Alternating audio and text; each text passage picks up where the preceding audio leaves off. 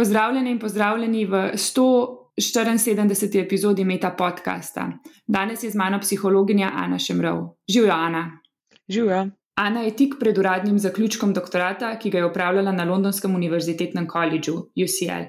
Bila je članica UCL Great Ormond Street Inštituta za zdravje otrok. Proje njen projekt pa je bil financiran strani Fight for Sight in fundacije Ulverscroft.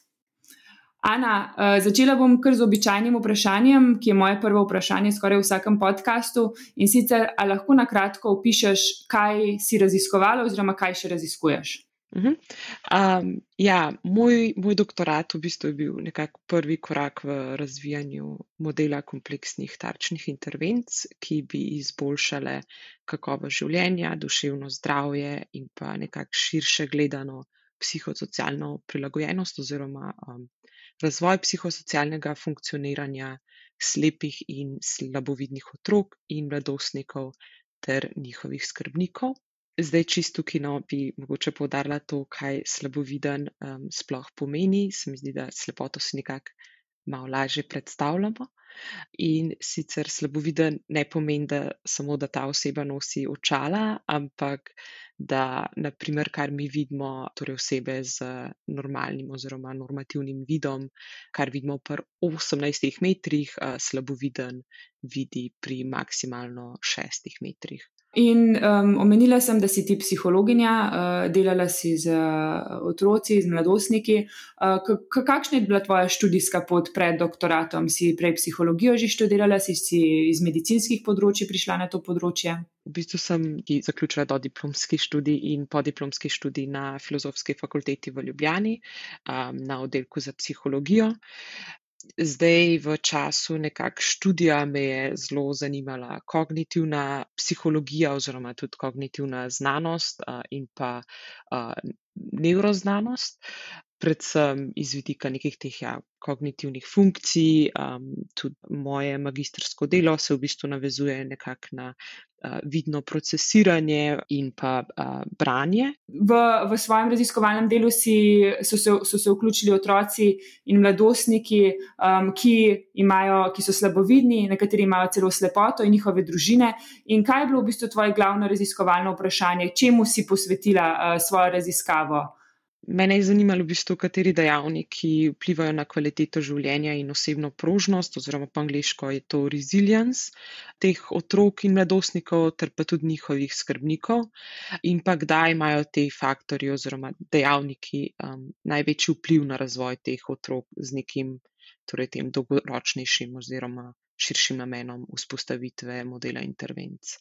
Zdaj, kaj to dejansko pomeni, ugotavljanje, kaj bi intervencije targetirale, kdaj bi bile te intervencije smiselne in pa kje in kdo bi bil nekako najbolj smiselen, da te intervencije izvaja.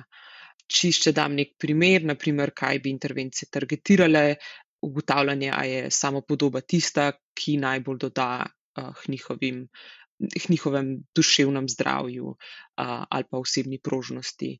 Torej, ali pa kdaj bi bile te intervencije smiselne, naprimer, je najbolj smiselno, če je neka intervencija a, izvedena pred vstopom v šolo. A, zdaj pa, kje in kdo. Um, naprimer, če vzamem jih ta primer šole, a je najbolj smiselno, da um, se izvedejo v šoli, in pa a je smiselno, da se izvedejo vem, iz strani njihovih razrednikov ali pa iz strani ne vem, neke um, svetovalne službe. Naprimer. Mm, mm. Torej, v bistvu zelo široka vprašanja in zelo široko področje na nek način. Zelo veliko ljudi je vključenih v, v to, da se, da se čim bolj nekako izboljša um, življenje teh otrok in mladostnikov in da se, da se jim pomaga na nek način. Ne?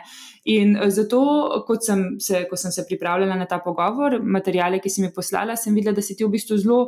Eh, nekako si stopila v stik s temi ljudmi, s temi družinami, um, s temi mladostniki in otroki. In um, si uporabljala zelo raznolike metode, ne? nekje navajaš tudi njihova pričevanja, uh, potem imaš tudi bolj neke standardizirane vprašanja. Kakšne metode si uporabljala v svojem raziskovanju?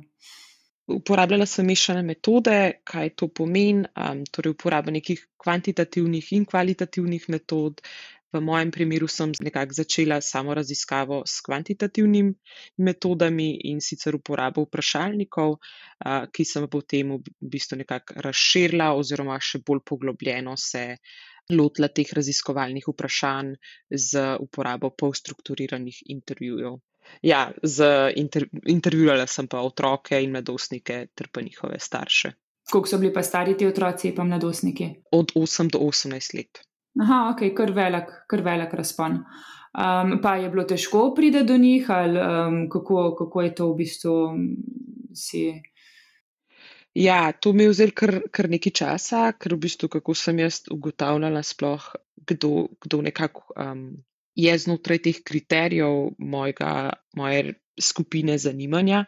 Je bilo tako, da sem pregledala tisoče zdravstvenih kartotek in na podlagi teh zdravstvenih kartotek v bistvu določvala, katere družine bi bile.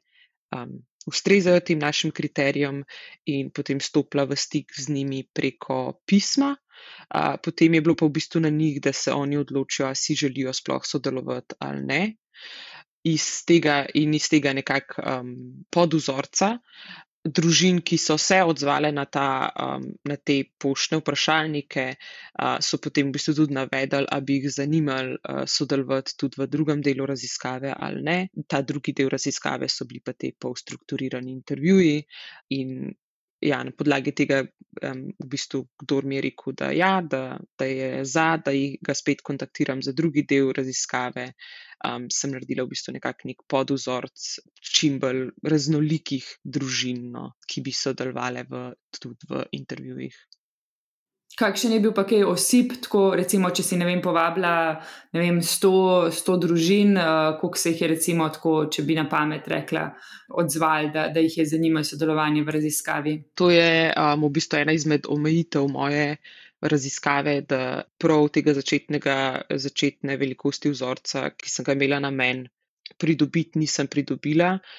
Nažalost, sem se moj doktorat izvajal med COVID-om, celo um, pandemijo v Združenem kraljestvu, smo imeli tudi precej ostre omejitve, um, tudi sama revščina se je zelo povečala, kar je problematično oziroma težavno lih iz tega vidika, da gre v um, zelo veliki meri v bistvu za otroke, ki so slepi in slabovitni, otroke, ki prihajajo iz slabšega socialno-ekonomskega um, ozadja. In kar se je pokazalo, je to, da so pač te družine zdaj po, po tej pandemiji še toliko bolj na udaru, tako da je bil ne sam os, o, mislim, osip sam ni bil tako velik, je bil pa problem že sam dobiti sploh družine, ki bi sodelovali v tem prvem delu, ker je zahtevala a, sodelovanje v raziskavi, je zahtevalo iz strani otrok približno eno uro vsaj reševanja teh vprašalnikov, kar zna biti zelo um, turobno in pa okoli uro pa pol iz strani staršev. Tako da se je v bistvu odzval približno 15% samo uh, družin, ki, jih ki sem jih pač povabila um, k sodelovanju. Mhm. Ja, nekaj si zdaj že v odgovoru v bistvu povedala tudi o tvojih rez, eh, rezultatih. Uh, videla sem, da si govorila tudi o tem, kako je pandemija COVID-a vplivala na vse to in na tvojo raziskavo in na, in na rezultate in na te otroke in družine z otroci um, s slabovidnostjo in slepoto. Uh, Um, kaj si še izvedela? Zanima te tudi ta povezava, ne, predvsem družine iz nižjih socioekonomskih um, skupin, um, pa njihov, njihova v bistvu neka, nek dobrobit življenja uh, teh otrok.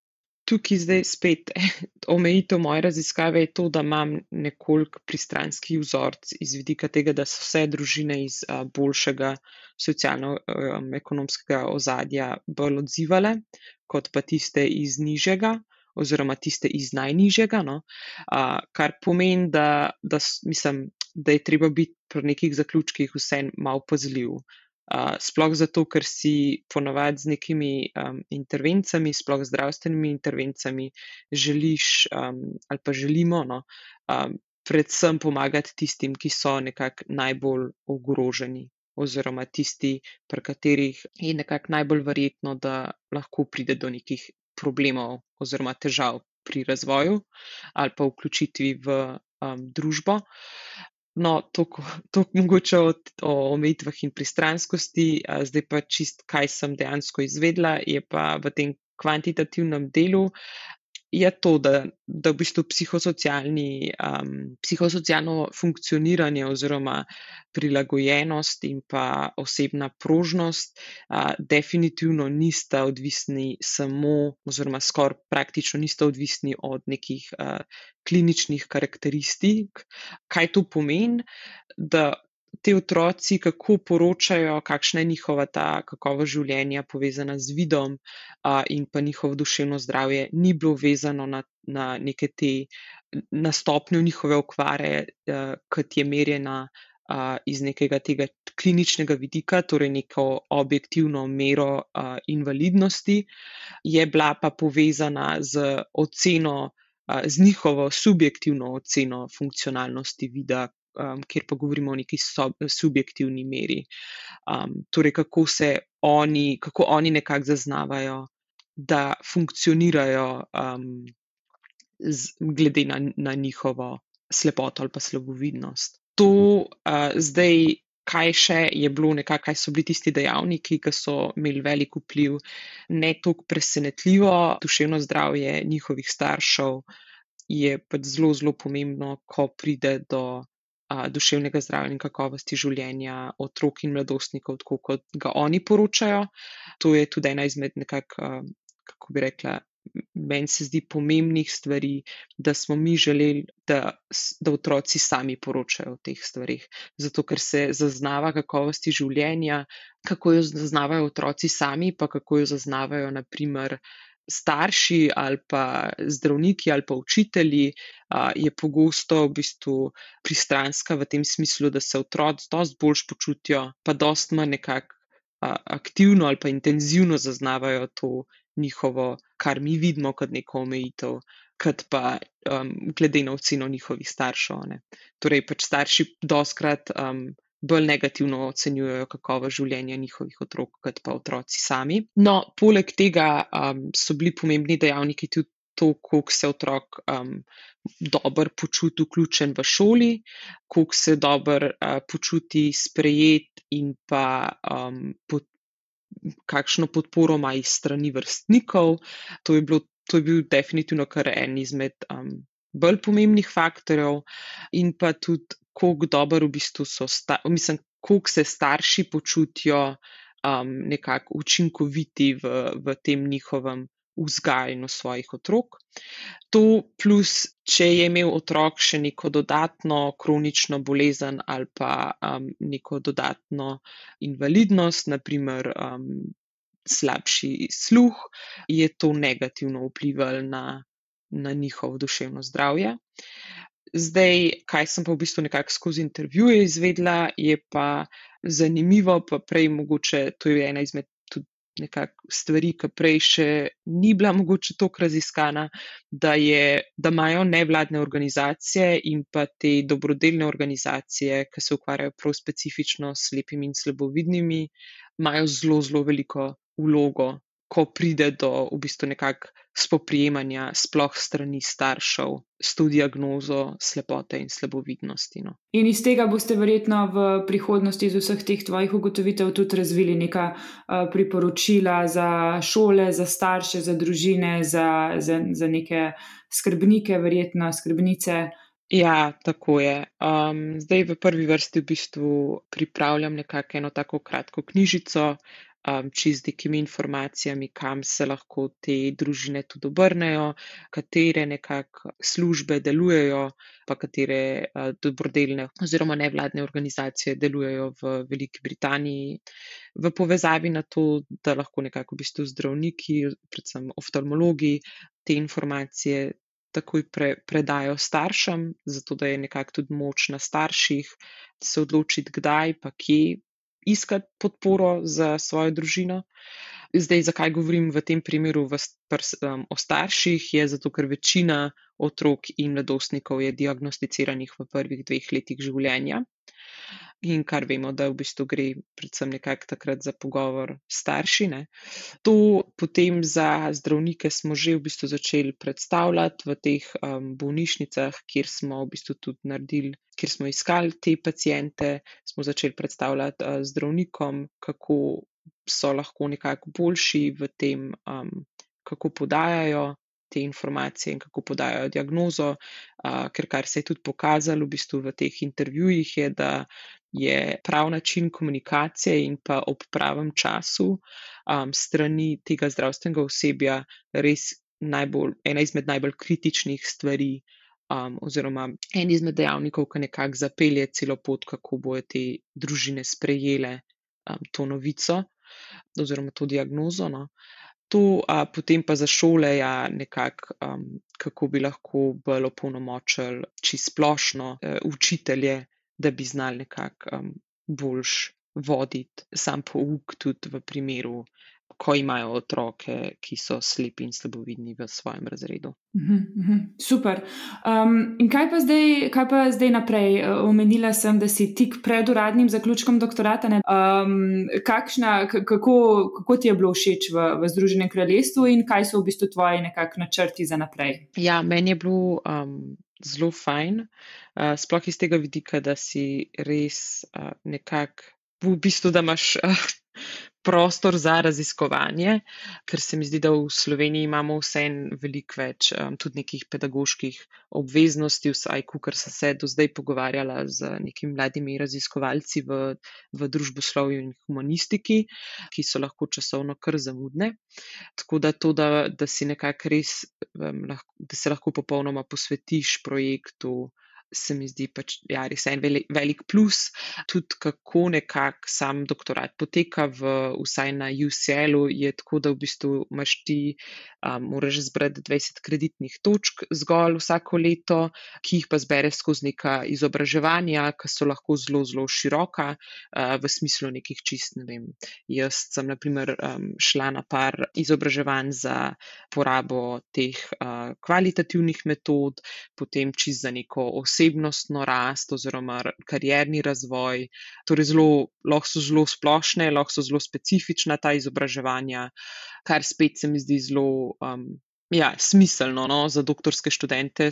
Ker se pač znamo sami učiti in pripraviti stvari, tako da neka vodena predavanja se mi mogoče ne bi zdela tako smiselno. No. Meni se je to zdaj full fine, zdaj kaj um, za naprej. Trenutno sem asistentka na uh, oddelku za psihologijo v Ljubljani. Iz vidika uh, raziskovanja, me pa, mislim, kar si želimo, je seveda oblikovati zdaj ta model intervenc dejansko in ga preizkusiti v praksi.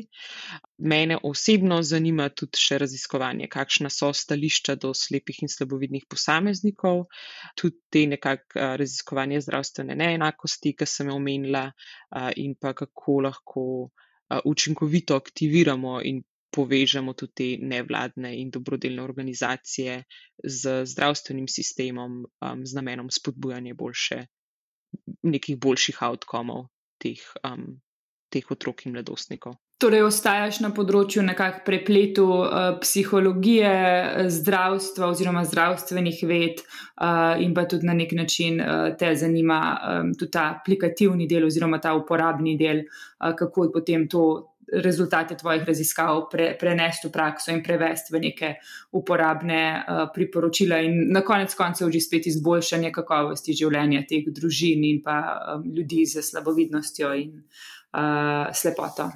Ja, tako je. Mislim, jaz si definitivno želim biti znanstvenica, ki, ki deluje na področju aplikativne znanosti no, in jo tudi aktivno aplicirati. Ali se spomniš kakšne zabavne ali zanimive anekdote povezane s svojim mentorjem ali mentorico, ali pa morda kakšne nenavadne, smešne anekdote, ki se je zgodila tekom tvojega raziskovalnega dela v sklopu doktorata? Ja, mogoče niti ni tako, ne vem, smešno, nenavadno, se pa meni zdelo res zelo, zelo simpatično in prisrčno. Ko sem izvajala te intervjuje z družinami, je en osemletni fantek prišel na ta intervju, ki so ga imela preko Zuma, v kravati in srajci. In kar se mi je zdelo mogoče, ok, pač je se tako oblač, um, ampak mi je potem njegova mama povedala, da se je prav specifično uredil za me.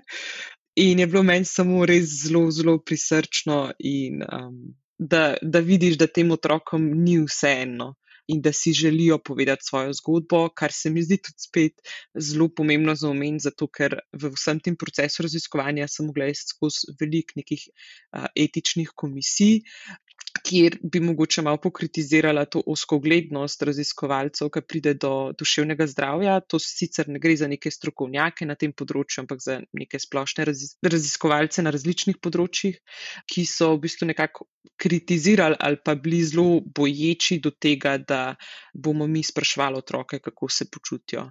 In da bomo z otroki govorili o nekih um, problemih, ki jih imajo definitivno je biti treba pazljiv, ko izvajaš neke take intervjuje. Sam se mi zdi pa, da velikrat lahko ljudje ustvarjamo nekakšno še večjo stigmo na način, da prikrivamo oziroma ne želimo spregovoriti z ljudmi um, o nekih težavah, ki jih imajo. No, in s tem fantkom sem nekako zaključila pogovor o tem, da so se pogovarjala ene pa ure vsaj o medvrstniškem um, nasilju, ki ga doživlja zaradi slepote oziroma slabovidnosti. Ampak ja, zelo, zelo cute videti osemlet, osemletnika, kako si naredi frizuro, um, se obleče, zrihta, zato da bo povedal svojo življenjsko zgodbo. Priporočilo za knjigo, igro, film, spletno stran ali podcast? Ja, mogoče za film bi rekla, um, da je bil meni en ljubših prejšnje leto The Worst Person in the World. Za knjigo pa mogoče um, ne tako poznano, je pa ima naslov Hanna, pisateljica je Alina Mornštajnova. Um, gre za češko pisateljico, ki predstavlja v bistvu zgodbo o Hani um, iz vidika uh, njene mehne nečakinje, nekako v bistvu gre skozi uh, družino, um, zgodovino družine njene in pa potem zgodbo um, iz vidika Hane gre pa za čas v bistvu pregona in poboja uh, židov, torej pa za drugo svetovno vojno no, in za ja, nek, nek profil osebe, uh, ki je šla skozi marsikaj. Katera stvar ti je tekom doktorata prinesla največ veselja ali izpolnitve, kaj je bil nek highlight doktorskega študija? Meni se zdi, da dejansko to intervjuvanje um, teh otrok, pa tudi njihovih staršev, ne vem, čisto iz tega vidika, ki dejansko doživiš, koliko so res ljudje pripravljeni deliti s tabo, koliko si, mislim, kakšne stvari vse morajo nekako iti čez, ki si jih mi sploh ne predstavljamo. In koliko velikrat morajo iti te stvari čez, samo zato, ker smo mi še v bistvu kot družba malo um, nezreli slabše vključujemo te ljudi, ali pa pač si sam ne damo nekako um, časa za nek razmislek, kako jim lahko pomagamo. Tako da, ja, highlight definitivno je to intervjuvanje teh otrok in mladostnikov, in pa to, da doživiš dejansko to njihovo osebnostno prožnost um, oziroma resilience tako zelo direktno. No. Um, kakšen je tvoj način za spopadanje s stresom in morebitno negotovostjo, do katere pridem med doktoratom? Ja, meni se zdi, da je treba nekako um, si res poskusa, poskušati ozavestiti, da delaš um, na doktoratu najverjetneje nekaj, kar je zelo slabo, oziroma raziskuješ nekaj, kar je zelo slabo raziskano ali pa ne raziskano. In je ok, če ne veš vsega. In zato, ker ne veš vsega, pa ker verjetno veš manj, kot vse, vsaj na začetku doktorata, kot ljudje okoli tebe, sem jaz poskušala no, veliko debatirati z, z mentori, pa se tudi povezati z nekimi drugimi strokovnjaki na področju in poiskati na svet prnih. Tako da to plus um, čist na nekem tem osebnem nivoju, um, pa se mi zdi, da je ful v pomoč bilo to, da se povežeš z nekimi drugimi doktorskimi študenti, ne sploh nujno ljudmi, ki delajo na tvojem področju, čisto iz tega vidika, da, ne vem, da se pogovarjaš o vseh teh stiskah, mogoče skozi katere greš v času doktorata, prav zaradi tega. Zaradi te negotovosti, pa velike obremenitve, no, pogosto. Torej, da si zgradiš neko svojo skupnost. Ja, ja. pa da izkoristiš dopust, ki ga imaš. Uh, če bi lahko bodoči doktorantki, doktorantu dala en nasvet, ki si želiš, da bi ga prejela sama, kakšen bi bil? Ja, mislim, fulje smoten. Jaz ta nasvet sicer sem prejela iz strani um, svojih mentorjev, ampak eh, ga žal nisem tako upoštevala, tako da bi si mogoče želela, da bi ga prejela od ja, neke druge doktorske um, študentke ali pa študenta. No, in sicer to, da tudi če delaš na področju humanistike in družboslovja, hrani nek urejen dnevnik. Pač ok, kul je, da imaš nek zvezek nekih neurejenih idej, ampak res probi si zapisovati um, sproti to, kaj so nekako tvoje ugotovitve in pa tudi, kaj so neke te ključna razmišljanja, ki jih imaš. Ker jaz sem si to skozi pisala na neke listke, ki jih je bilo potem, ko dejansko pišeš doktorsko nalogo, um, predvsej težko urediti, no, pa sploh v nekem tem časovnem smiselnem zaporedju. Odlično. Um, ja, odlično. Hvala, Ana, da si si vzela čas. Ja, hvala tebi. Poslušali ste Meta podcast, v katerem se pogovarjamo z mladimi znanstveniki in znanstvenicami z različnih področji znanosti. Podcast domuje na spletišču metinalista.si, kjer najdete tudi druge zanimive znanstvene vsebine. Naše delo lahko podprete z donacijo Metini listi, pohvale, pripombe in predloge lahko posredujete po e-mailu znanost.afna.metinalista.si. Dobrodošli so tudi komentarji na Facebook profilu Metina Liste in na Twitterju Afna Metina Lista, kjer uporabite hashtag MetaPodcast. Se slišimo čez 14 dni. Ustvarjanje podcasta in popularizacijo znanosti finančno podpira Javna agencija za raziskovalno dejavnost Republike Slovenije.